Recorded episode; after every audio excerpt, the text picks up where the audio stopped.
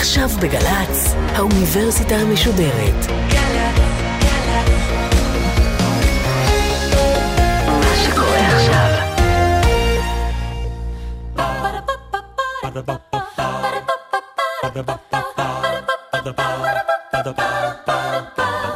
האוניברסיטה המשודרת מציגה מהים התיכון למזרח התיכון עם ליעד מודריק והסמסטר דת ומדינה והפעם שיחה עם הפרופסור אוריה שביט מהחוג לערבית ולאסלאם ומהתוכנית למדעי הדתות באוניברסיטת תל אביב על דת ומדינה באסלאם. עורכת ראשית מאיה גאייר.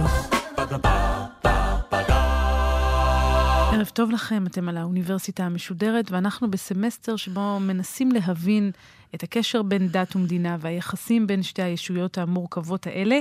הפעם דת ומדינה באסלאם והקשר בין אסלאם לבין אה, יחסי דת ומדינה. איתנו פרופסור אוריה שביט מהחוג לערבית ולאסלאם באוניברסיטת תל אביב, שלום לך. ערב טוב. היום, בעיקר אה, נוכח מה שקורה בעולם כולו וארגוני הטרור, יש נטייה מאוד חזקה להנגיד בין אסלאם לבין דמוקרטיה, כאילו מדובר ממש בשתי ישויות מנוגדות אחת לשנייה. זה נכון? אפשר למצוא את הניגוד הזה כבר בשורשי האסלאם, או שזה משהו של העת האחרונה? קודם אנחנו מסתכלים, רואים שהמדינה המוסלמית הגדולה בעולם היא דמוקרטיה. Hmm. כך שאסלאם ודמוקרטיה הם לא בהכרח אה, מנוגדים. אבל יש שאלה שהיא יותר בסיסית, והיא האם יש בכלל דבר כזה אסלאם. האם אנחנו יכולים לדבר על אסלאם כאיזו ישות אחת קוהרנטית שקיימת באמת במציאות? והתשובה היא כמובן שלא. אסלאם הוא מה שאנשים עושים ממנו. יש קוראן, יש מסורות נבואיות, יש מסורות שהתפתחו עם השנים, והאסלאם הוא האופן שבו אנשים שהם מוסלמים בוחרים להבין את הקורפוסים האלה. אז אם אנחנו נחזור למה שאני חושבת יהיה מקובל, אבל על כל הפלגים והזרמים כערש האסלאם או תולדות האסלאם, שזה מוחמד, אה, והקוראן אחר כך, שם יש בטקסטים עצמם דברים שעומדים בניגוד לערכי הדמוקרטיה? אז כאן יש ויכוח מחקרי וגם פוליטי ארוך שנים ומאוד סוער סביב השאלה מה אומר האסלאם המקורי על דמוקרטיה. והאמת שבעיניי הוא קצת מצחיק, כי זה קצת כמו לשאול מה אומר האסלאם המקורי, האסלאם של ימי הנביא, נניח על מכוניות. הוא לא אומר כלום, כי הנביא מוחמד לא ידע שיש דבר כזה מכוניות, והוא גם לא ידע שיש דבר כזה דמוקרטיה. אז מה שאנחנו רואים זה הרבה ניסיונות לקחת מסורות. ודפוסים פוליטיים שאפיינו חברה מדברית, שבטית, שעברה איזושהי טרנספורמציה, ולהלביש עליהם מושגים מודרניים. הניסיונות האלה הם נועזים ומעניינים, והם גם חשובים מאוד לפוליטיקה הערבית בימינו. אין להם שום רלוונטיות להבנת ההיסטוריה של החברות המוסלמיות. מה שהיה לנו בחצי האי ערב זה נביא שדיבר בין השאר, וגם מביא דברי אלוהים בין השאר, שקראו למידה מסוימת של השתתפות פוליטית, שותפות פוליטית, וזה מבוסס על העיקרון של ההיוועצות. שני פסוקים בקוראן ותרגום רובין וייוועץ בהם בדבר ועניינם מוכרע במועצה. עליהם נבנים היום אה, תילי תילים של פרשנויות ופרשנויות על גבי פרשנויות שמסבירות שהאסלאם ציווה על דמוקרטיה. אבל האסלאם לא ציווה על דמוקרטיה, הוא ציווה על היוועצות. ואת ההיוועצות הזו אפשר להבין בדרכים שונות, ואפשר לפתח אותה בדרכים שונות, שאחת מהן היא דמוקרטיה. אבל לטעון שמה שהיה במכה ובמדינה של המאה השביעית זה דבר מקביל, או שהוא גרעין לדמוקרטיה המערבית בימינו, זה כבר לגמרי בעיני המתבונן. אבל המתבונן היום נוטה לחשוב את ההפך. המתבונן היום נוטה לחשוב שיש ממש פער אימתני בין האסלאם לבין רעיונות דמוקרטיים. אני חושב שהמתבונן המערבי נוטה לחשוב את זה, כי הוא רואה עולם אה, מוסלמי ערבי שבו הדמוקרטיה לא מצליחה. ואז אפשר לייחס את זה כמובן, ובטעות, לאסלאם. דווקא בשיח הערבי, השיח הערבי הדתי, הזרם המרכזי ההגמוני רואה זיקה ישירה בין עקרון השורא לבין עקרון הדמוקרטיה, ואפילו רואה הלימה ביניהן. שזה מאוד מעניין, אבל אני רוצה באמת לחזור uh, לאותם שורשים. האסלאם אז, אחרי שהוא עובר קנוניזציה הקוראן, אחרי מות מוחמד, איך היחסים בין מנהיגי הדת אז לבין השליטים, איך זה עובד? אז כאן אני חושב שיש טעות שהיא די uh, שכיחה. אומרים, השליט באסלאם נזקק להצהרת האמונים של הקהילה, ולכן הוא לא היה אה, שליט אה, עריץ והייתה איזושהי מידה של דמוקרטיה. זה שוב ערבוב תפיסות. יש משהו מאוד מעניין בתפיסה האסלאמית לגבי לגיטימציה פוליטית. מקור הסמכות לכל דבר הוא ההתגלות. התורה שמוחמד אה, הביא איתו לאנושות, והקבלה שלה כאמת מוחלטת. זה מקור הסמכות לכל מהלך פוליטי, לכל מהלך משפטי. לא, אבל מק- מה זה אומר? אם אני עכשיו סמכות. רוצה, אם אני השליט ואני רוצה לפתוח במלחמה, אז עכשיו השאלה היא מה המשמעות של מקור הסמכות הזה במובנים של לגיטימציה פוליטית, או במילים אחרות, מה הופך שליט באסלאם ללגיטימי? וזו שאלה אה, לא פשוטה, כי הקוראן גם מציע דברים סותרים בעניינה לכאורה. אבל השורה התחתונה של הקונצנזוס שהתגבש היא השורה הבאה. מה שהופך שליט באסלאם ללגיטימי, זה יישמע עכשיו קצת מצחיק מה שאני הולך להגיד, מה שהופך שליט באסלאם ללגיטימי זה שהוא שליט. שהוא שליט ושהוא שולט. שהוא אוכף חוק וסדר ומאפשר לקהילה לקיים חיים אסלאמיים. זה מה שהופך אותו ללגיטימי, לא שהוא נבחר, ולא שהקהילה אוהבת אותו, ואפילו לא שהוא מוכשר. השליט יכול להיות אינקומפיטנט באופן מוחלט, אבל אם הוא שולט, כל עוד הוא מצליח לשמור על כיסאו, זה אחד. נכון. ושתיים, מאפשר חיים אסלאמיים, אתה אומר? בדיוק. ועכשיו... אבל מי קובע? או, עכשיו מגיע הדבר היותר טריקי. יש עוד תנאי, והתנאי הוא שהשליט יהיה מוסלמי. כלומר, זה שאתה מקיים חוק וסדר ומאפשר לאנשים לקיים חיים אסלאמיים, אם אתה לא מוסלמי, אתה לא שליט לגיטימי. ואז זה מוביל אותנו לשאלה הכי גדולה, אה, מי הוא מוסלמי ומה הופך שליט מוסלמי ללא מוסלמי, וזו בעצם שאלה שהאסלאם מתחבט בה מימיו הראשונים כמעט. כי הרי היו מרידות והיו מלחמות אזרחים מימיו הראשונים של האסלאם. האסלאם מתפצל ומתפלג כמעט מההתחלה. עכשיו, מה הופך שליט למוסלמי על פי הדעה שהיא הדעה של הזרם המרכזי? זה שהוא לא כופר באסלאם. וכאן יש דבר מעניין. ניקח שתי סיטואציות. שליט יושב בכיכר העיר עם 12 פילגשיו ושותה אה, בקבוק של יין. האם הוא שליט מוסלמי? ובכן, על פי הדעה של הזרם המרכזי, אם הוא לא כפר באסלאם, כלומר, אם הוא לא שתה את היין ואמר, ענבי מעניין לי את ה... אז הוא שליט מוסלמי, הוא חוטא, אלוהים יעניש אותו. אבל הוא שליט מוסלמי, ואז התנאים להפלתו הם מאוד מאוד קשים. והתנאי הבסיסי להפלתו, זה שאתה יודע בוודאות שתצליח להפיל אותו. וזה תנאי מאוד קשה. כי מה יקרה אם לא תצליח להפיל אותו? תהיה פיתנה, תהיה מלחמת אזרחים, יהיה יותר נזק מתועלת. אם אתה לא בטוח שאתה יכול להפיל את השליט הזה, שהוא חוטא ולא כשיר לתפקידו, אבל הוא מוסלמי, אתה צריך לשבת בחיבוק ידיים, או לכל היותר לדבר נגדו, אבל לא לצאת למרי. אבל הוא היה שותה את היין ואומר, מוחמד אינו הנביא, נביא. אני לא מאמין אז הוא כבר אתה לא חייב. לה- אז הוא לא מוסלמי, בדיוק. חייב להפיל אותו, אפילו אם אתה לא בטוח שתצליח. כאן כבר יכולות להיות מחלוקות, אבל אז ההפלה שלו לגיטימית, גם במקרה שהיא גורמת למלחמת אחים. מה שהופך אותך ללא מוסלמי, זה לא מה שאתה עושה, אלא איך, מה אתה אומר. כן. בלב זה כמובן הרבה יותר קל, כי להגיד, בלהגיד פוליטיקאים תמיד היו טובים. כלומר, היו לאורך ההיסטוריה, בעצם לא היו שליטים אה, כן. מוסלמים שעמדו בכיכר העיר, ואמרו, בעצם האסלאם הוא לא דת נכונה. כן. ובמובן הזה, יש במסורת הפוליטית האסלאמית משהו שבהחלט מאפשר רודנות. כי מקור הלגיטימציה הוא לא תמיכה של העם, והוא גם לא הביצועים של השליט. אבל יש אה, אנשי דת שנמצאים באינטראקציה עם השליט, כפי ששוחחנו כאן למשל לפני שבועיים עם אה, דוקטור פרסיקו, שסיפר לנו על המאבקים בין הקיסר לבין האפיפיור למשל. מוצאים כאלה מאבקים בהיסטוריה של האסלאם? צריך לזכור שהנצרות התפתחה לדת שמפרידה בין אה, מדינה לכנסייה, היא התפתחה כן. למקום הזה, היא לא נולדה איתו בהכרח. באסלאם הרעיון המכונן הוא אחר, הרי הנביא מוחמד הוא גם מנהיג פוליטי והוא גם מנהיג דתי. וממשיכיו ישרי הדרך, ארבעת החליפים ישרי הדרך שהמשיכו אותו, הם גם מנהיגים דתיים והם גם מנהיגים פוליטיים. כן. רוב המקורות שיש לנו, ההבחנה בין כנסייה למדינה לא קיימת ב- באסלאם. באסלאם. אבל מה שקורה בפועל זה תהליך שהוא קצת מעגלי. מאחר שמקור הלגיטימציה של השליט הוא דתי, מי יותר מוסמך מלתת לו את הלגיטימציה מאנשי דת? אבל מי ממנה את אנשי הדת? מי משלם להם את המשכורת? אין השליט. ותיקן, כן, אין כנסייה עצמאית, אז זה השליט. כלומר, המעגליות היא שהשליט נותן לגיטימציה לאנשים שנותנים לו לגיטימציה. אבל יש איזושהי התייחסות לישות מדינית כמו דין מלוכה בתלמוד אה, היהודי?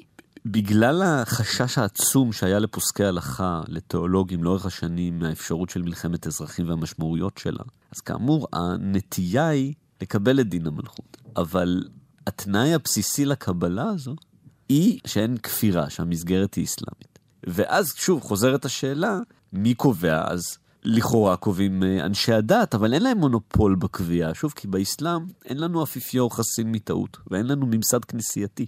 כן. אחד הדברים, אגב, שיוצרים קושי, אבל גם הזדמנות בחברות אסלאמיות, הוא שהמאמין חלה עליו חובה לברר את האמת בעצמו.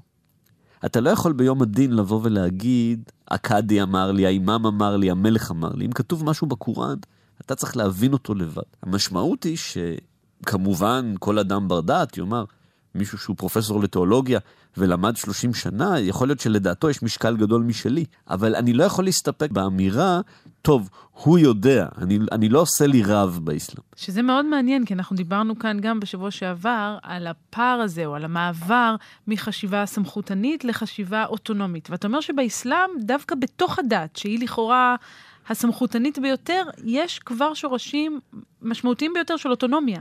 בהחלט. באופן כללי, אגב, האסלאם, אה, בהרבה מובנים, הוא דת יותר גמישה מהנצרות, ויכול להיות, זה, זה אומנם מוליך אותנו למקום אה, מאוד אחר, אבל יכול להיות שהתפתחות החילוניות במערב והכישלון שלה, לפחות בחברות הערביות, קשור במידה רבה לעובדה שהאסלאם הוא יותר גמיש ויותר אלסטי מהנצרות. הייתה לו יכולת יותר להציע פתיחות לרעיונות שהנצרות לא יכלה להציע. שזה מעניין, כי זה שוב חותר נגד האינטואיציות המערביות העכשוויות לגבי האסלאם, שנתפס כשמרני, קפוא, לא גמיש, מחייב.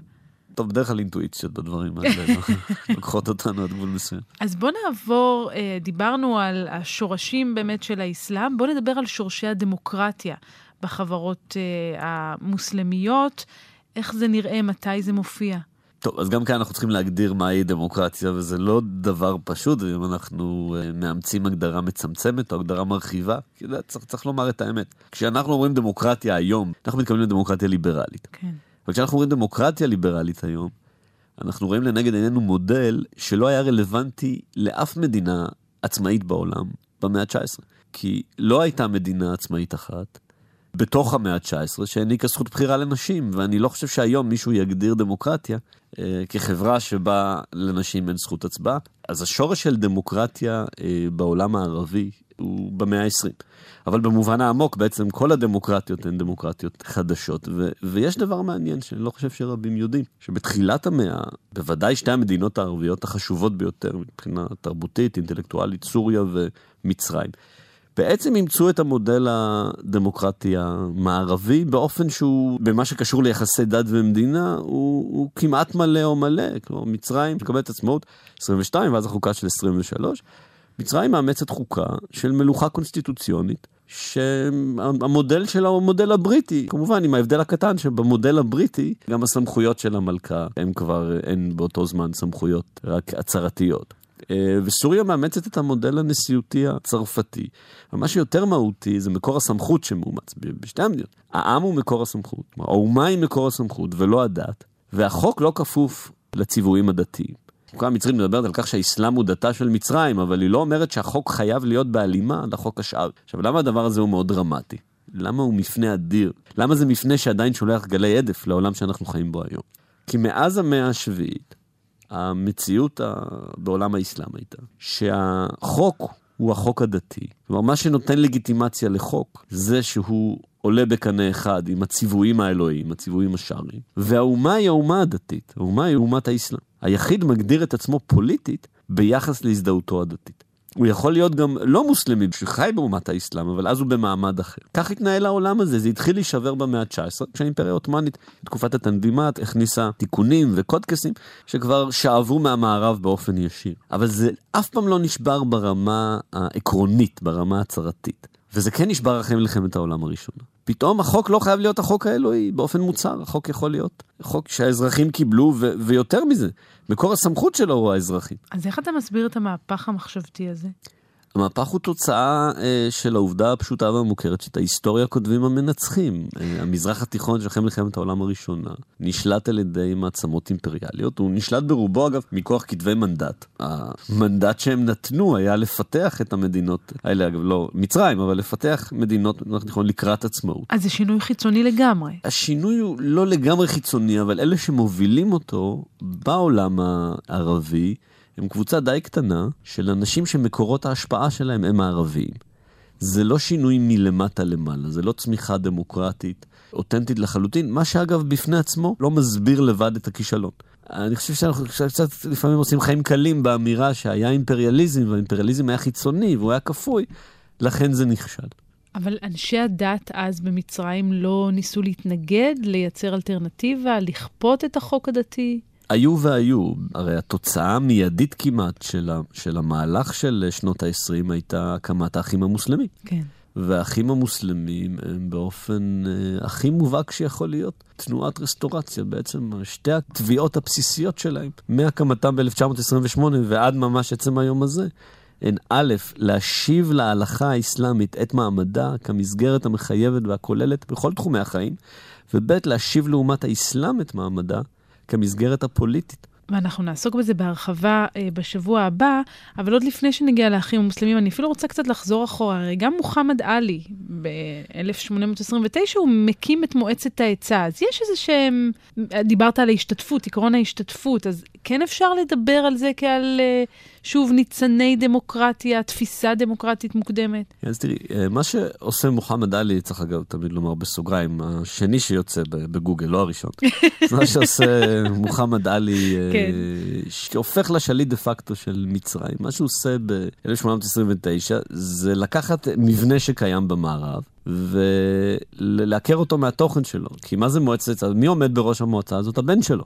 ואין יותר מדי אי הבנות בין האבא לבן. Okay. אוקיי. המועצה היא לא מועצה נבחרת, וגם אין לה סמכויות. לא דמוקרטיה ייצוגית בשום צורה. לחלוטין לא, בוודאי לא, לא דמוקרטיה אלקטורלית. צריך לזכור שכשהוא מסתכל על המערב באותם ימים, כדוגמה, רוב המערב לא דמוקרטי, שוב, כן. במובן שאנחנו מבינים היום.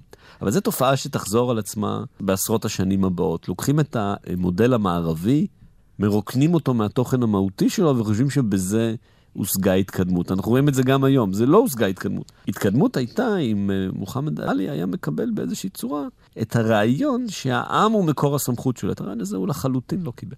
וגם uh, בסעודיה, גם בכווית, יש איזושהי דרישה לבחירות כלליות, נכון? כלומר, זה כן מגיע מלמטה שם? אה, מלמטה מסוים. סעודיה זה אולי המדינה שצברה את ההתמחות הכי ארוכת שנים בלעשות בכאילו. והסיבה היא שיש להם קליינטים מאוד uh, נאמנים לה בכאילו. אז הממשל האמריקאי הרי לא רוצה זעזועים בסעודיה, ואני גם לא בטוח שהוא רוצה דמוקרטיה בסעודיה. אז הקימו בסעודיה מועצת uh, שורא, שהסמכות העיקרית שלה היא לא לעשות כלום, והיא די מצטיינת בזה. Uh, אבל כל פעם שמתחילים לארה"ב לשאול את השאלה, למה אנחנו בעצם בעלי ברית של משטר כל כך עריצי? אז uh, הסעודים מצהירים נניח שבמועצת השורא יהיו מעכשיו 180 צירים ולא 150, או שיהיה בה גם מקום לנשים. אגב, נשים בחדר אחר, כי בכל זאת יש גבולות לדברים. ואז זה, זה כאילו רפורמה בסעודיה, או פתיחות בסעודיה. זה כמובן לא זה, זה בכאילו. והזכרת עכשיו את ארצות הברית, קודם את המעצמות הקולוניאליות. יש באמת איזושהי דואליות במעורבות הזאת של המערב בשנים המכוננות האלה במדינות הערביות האלה, נכון? נכון, אה, יש דואליות שנמשכת אגב עד היום, והיא, והיא יוצרת קשר גורדי מאוד סבוך לליברליזם הערבי. מהי הדואליות? מהו התפקיד של בריטניה במזרח התיכון בראשית המאה ה-20? זה תפקיד כפול. מצד אחד היא באמת מנטור דמוקרטי. בריטניה היא מדינה ש... המנהיגים שלה באמת מאמינים ברעיונות הליברליים, והם מקבלים על עצמם גם את התפקיד להנחיל אותם באזור הזה. מצד אחר, בריטניה היא מעצמה אימפריאלית. יש לה אינטרסים אימפריאליים, ולא פעם קורה שהאינטרסים האימפריאליים האלה סותרים את הערכים והעקרונות הדמוקרטיים, וכשיש התנגשות בין האינטרסים לבין האידיאולוגיה, זה בדרך כלל ככה בחיים, אז האינטרסים מנצחים. ואז בעיניים של ליברלים ערבים נוצר דבר שהוא על גבול הפרדוקס. המערב הוא המורה. כלומר, ממי תלמד דמוקרטיה וממי תלמד ליברליזם, אם לא מהמערב? כן. אין מורה אחר. אבל המערב הוא, הוא במובן מסוים גם הסוהר. הוא גם זה שמונע את ההתפתחות הדמוקרטית. כלומר, הוא גם משחרר וגם משעבד. הוא גם uh, מחנך וגם נותן את הדוגמה הרעה, ובעיקר אי אפשר בלעדיו, אי אפשר להתפתח לדמוקרטיה בלעדיו, או לפחות קשה מאוד, אבל גם אי אפשר איתו, כי הוא גם בלם ומחסום. ואנחנו מסתכלים על תחילת המאה ה-20, אנחנו יכולים באותה מידה להסתכל על, על תחילת המאה ה-21 ולראות שארצות הברית בעיראק מילאה תפקיד, ועדיין ממלא תפקיד לא מאוד שונה מזה של בריטניה במרחב הערבי ובוודאי במצרים. בתחילת המאה ה-20. וביחסים האלה שבין דת ומדינה, המעורבות הכפויה הזו של המערב משפיעה? היא משפיעה קודם כל במובן זה שיש רבים בעולם הערבי שרואים את המודל המערבי כמודל שלא מתאים ולא רלוונטי לחברות המוסלמיות. מהי התפיסה הבסיסית של הזרמים המרכזיים באסלאם הסוני ביחס לחילוניות במערב. התפיסה הבסיסית היא שהחילוניות במערב היא פרי כשלים בנצרות שאינם רלוונטיים כדוגמה אוניברסלית. כלומר, למה המערב נעשה חילוני ברנסאנס? למה הוא נעשה חילוני? הוא נעשה חילוני בגלל שהנצרות היא במהותה דת לא רציונלית, אנטי-מדעית ואנטי-חירות. בניגוד לאסלאם? בניגוד לאסלאם. על פי התפיסה הזאת, ממי בני המערב למדו על חירות וממי הם למדו על רציונליות? הם למדו על כך מהאסלאם. מהימים שבהם המוסלמים היו רציונליים וחיו בשלטון לפחות של היעדר עריצות. כי, ול... כי, כמו שאמרת קודם, האסלאם אה, מחייב, אה, נגיד, הסתכלות אוטונומית והחלטה תבונית? או... על פי התפיסה הזאת, כי באסלאם יש כבר את גרעיני העקרונות הדמוקרטיים, והמערב למד את העקרונות האלה מהאסלאם. ועל כן באים אה, תיאולוגים, באים פוסקי הלכה, באים מנהיגים דתיים ואומרים, הדוגמה של הפרדת דת ומדינה, כפי שהיא נהוגה במערב, לא רלוונטית לגבי עולם האסלאם. הדוגמה הזו היא ייחודיות נוצרית, היא ייחודיות מערבית. המערב, באיזה תנועת מטוטלת מאוד חריפה, עבר משעבוד דתי מוחלט לשעבוד מוחלט לחילוניות, למטריאליזם. אנחנו לא צריכים ללמוד ממנו, כי הדת שלנו היא לא כזו. ובאמת, אולי אם יש שאלה אחת שהיא שאלה גדולה ואקוטית שעומדת בפני העולם הערבי, זה האם הטענה הזו נכונה. האם הטענה הזו היא טענה שאפשר לקבל אותה? לא מבחינה היסטורית, מבחינה פילוסופית. האם באמת אפשר למצוא מודל שחברה תהיה חברה אסלאמית, חברת התגלות, חברה שמקור הסמכות בה הוא כתבי הקודש, והיא בכל זאת תהיה חברה פתוחה, פתוחה. חופשית ו- וליברלית ודמוקרטית. והתשובה? התשובה שלהם היא בהחלט כן. התשובה שלי היא בהחלט לא.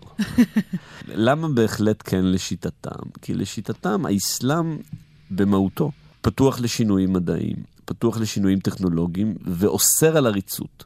ולכן לא רק שהוא מאפשר דמוקרטיה, חירות מדעית, חופש ביטוי, הוא נותן להם ערבות הרבה יותר משמעותית ומוצקה מזו שיש במערב, שבה הכל הרי על כרעי תרנגולת ועל קרח. עכשיו, למה לא? כי בסוף זה נורא יפה להגיד שאפשר לפרש את הדברים בכל מיני דרכים, ושהדת פתוחה וגמישה, וזה טוב ויפה ונכון. אבל אנחנו לא יכולים לחמוק משאלה אחת שהיא שאלת יסוד. מי המפרש? האם המפרש הוא חכם ההלכה? כי אם אנחנו באים וקובעים את הרעיון הבא, אנחנו באים ואומרים, החברה שלנו תהיה חברה אסלאמית, והקוראן יהיה החוקה שלה, ואפשר יהיה לחוקק כל חוק. כל עוד הוא תואם לקוראן. בדיוק. אז יכול להיות עכשיו אחד משני דברים. אופציה אחת היא שתהיה באמת דמוקרטיה. המחוקקים יקבלו על עצמם את הסמכות לקבוע מה תואם את הקוראן ומה לא, והם יהיו הסמכות האחרונה. במקרה כזה יכול להיות שזו תהיה דמוקרטיה לא מאוד ליברלית. זה כבר תלוי בהם. אבל זה יהיה משטר שבו רצון העם משתקף. והוא משטר דמוקרטי. אבל יש אופציה שנייה, והיא שמי שיאמרו את המילה האחרונה בשאלה האם החוק תואם את הקוראן או לא תואם את הקוראן, הם חכמי ההלכה. בעצם מועצה של אקדמאים. זה פחות או יותר מה שיש באיראן היום. ואם זה המצב, זו לא דמוקרטיה, זו בהגדרה תיאוקרטיה, משטר שהמילה האחרונה בו, המונופול על ההחלטות הפוליטיות מצוי בידי אנשי הדת. עכשיו, זה לא במקרה שהאנשים שעוסקים באובססיביות ובאינטנסיביות בלטעון שהאסלאם הוא דמוקרטי, וזה כאמור דעת הזרם המרכזי, כן. זו דעתו של הזרם המרכזי, זה לא מקרה שהם חומקים מלהכריע בשאלה מה מהשניים הוא הנכון, וההתחמקות הזו נמשכת מאז המאה ה-19. היא לא חדשה. אבל יש לנו דוגמה, אנחנו, זה בעצם מוביל אותנו כבר לשבוע הבא, שבו נדבר על מה שקורה היום ועל מודלים שונים של יחסי דת ומדינה במדינות המוסלמיות היום. אבל יש לנו דוגמה למדינה כזו שחיה לפי חוק האסלאם והיא ליברלית ודמוקרטית וחופשית? לא, אין לנו. וגם מה שאפילו קצת אה, אה, מעניין זה שלא הגענו אף פעם לרגע מבחן של התיאוריה, שהיא כאמור ההגמונית במחשבה הערבית-סונית. אה, אסלאמית היום, לפיה ניתן לעשות סינתזה בין אסלאם לדמוקרטיה. הכי קרובים שהיינו לנקודה הזו, זה בשלטון הקצר מאוד של האחים המוסלמים במצרים. לפחות במובן האינטלקטואלי, ממש חבל שהוא לא נמשך יותר זמן, כי אם הוא היה נמשך יותר זמן, לו היה נמשך יותר זמן, הוא היה מחייב את האסלאמיסטים אה, להכריע סוף סוף, ואולי אה, להתמודד יותר באומץ עם הסתירה האינהרנטית שיש באידיאולוגיה שלהם. למה הכוונה? חוקת מצרים, אה, שהתקבלה בתקופת האחים, דיברה על כך שבעניינים חקיקתיים שנוגעים בשריעה, או שלשריעה יש מה לומר לגביהם, צריך להתייעץ עם, עם מועצה של חכמי הלכה, במקרה הזה באל-עזר, אבל היא לא ענתה על שאלה נורא פשוטה. ואם ההתייעצות מסתיימת בחוסר הסכמה, כן. כלומר, אם חברי הפרלמנט וחכמי ההלכה לא מגיעים להסכמה, מי מכריע? אבל יש סיבה שהתחמקה מהכרעה בעניין הזה, כי זו בדיוק ההכרעה בין משטר שיש בו הפרדה אה, בין דת למדינה במובן המהותי, לבין משטר שאין בו. וזו הכרעה שהאחים המוסלמים באותו זמן לא יכלו ולא רצו לעשות. ואנחנו נעסוק עוד בהרחבה באחים המוסלמים בפגישתנו הבאה בשבוע הבא. עד אז, תודה רבה לך על השיחה הזו היום. תודה רבה גם לנועם נויפלד שהיה על הביצוע הטכני. אנחנו ניפגש כאן כאמור בשבוע הבא בעוד תוכנית של האוניברסיטה המשודרת. Ba-da-ba-ba-ba